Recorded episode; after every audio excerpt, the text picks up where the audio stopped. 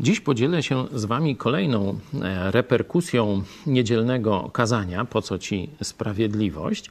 E, kolejna z moich sióstr w Chrystusie powiedziała, że znalazła w książce Davida e, Rocka tytuł Twój mózg w działaniu, czyli o tym, jak funkcjonuje, jak działa nasz mózg. Znalazła takie oto badania psychologiczne czy bardziej można powiedzieć z dziedziny już funkcjonowania naszego e, ciała na poziomie biochemicznym, że nasz mózg oprócz tego, co mówimy nie samym chlebem, czyli potrzebuje chleba, potrzebuje energii, mózg, żeby funkcjonować, potrzebuje energii z pokarmu. Obok tej potrzeby, czyli łaknienia, łaknienia pokarmu, ma drugą potrzebę, która jest na równi z potrzebą pokarmu, czyli chleba i nie igrzysk. To myślą przeróżni źli władcy.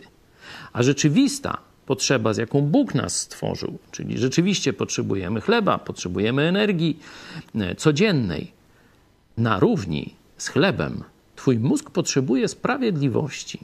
To właśnie mówiłem e, o tym, że Bóg nas stworzył na swój obraz i podobieństwo, i to poczucie sprawiedliwości ewolucyjnie nie da się wyjaśnić, a z punktu widzenia tej księgi bardzo łatwo da się wyjaśnić. Jesteśmy stworzeni na obraz i podobieństwo Boga i dlatego mamy tak silną poczucie, tak silne poczucie sprawiedliwości. Mówiłem też o emigracji do Stanów Zjednoczonych, że nie tylko za pieniędzmi, nie tylko za chlebem tam ludzie szli.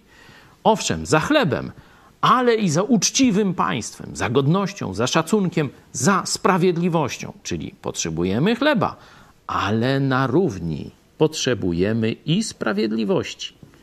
Warto, żebyśmy myśląc o naszym państwie, mówię w tych kwestiach politycznych, pamiętali, że nie chodzi tylko o dobre zarobki, niskie podatki. Chodzi o poczucie sprawiedliwości i godności.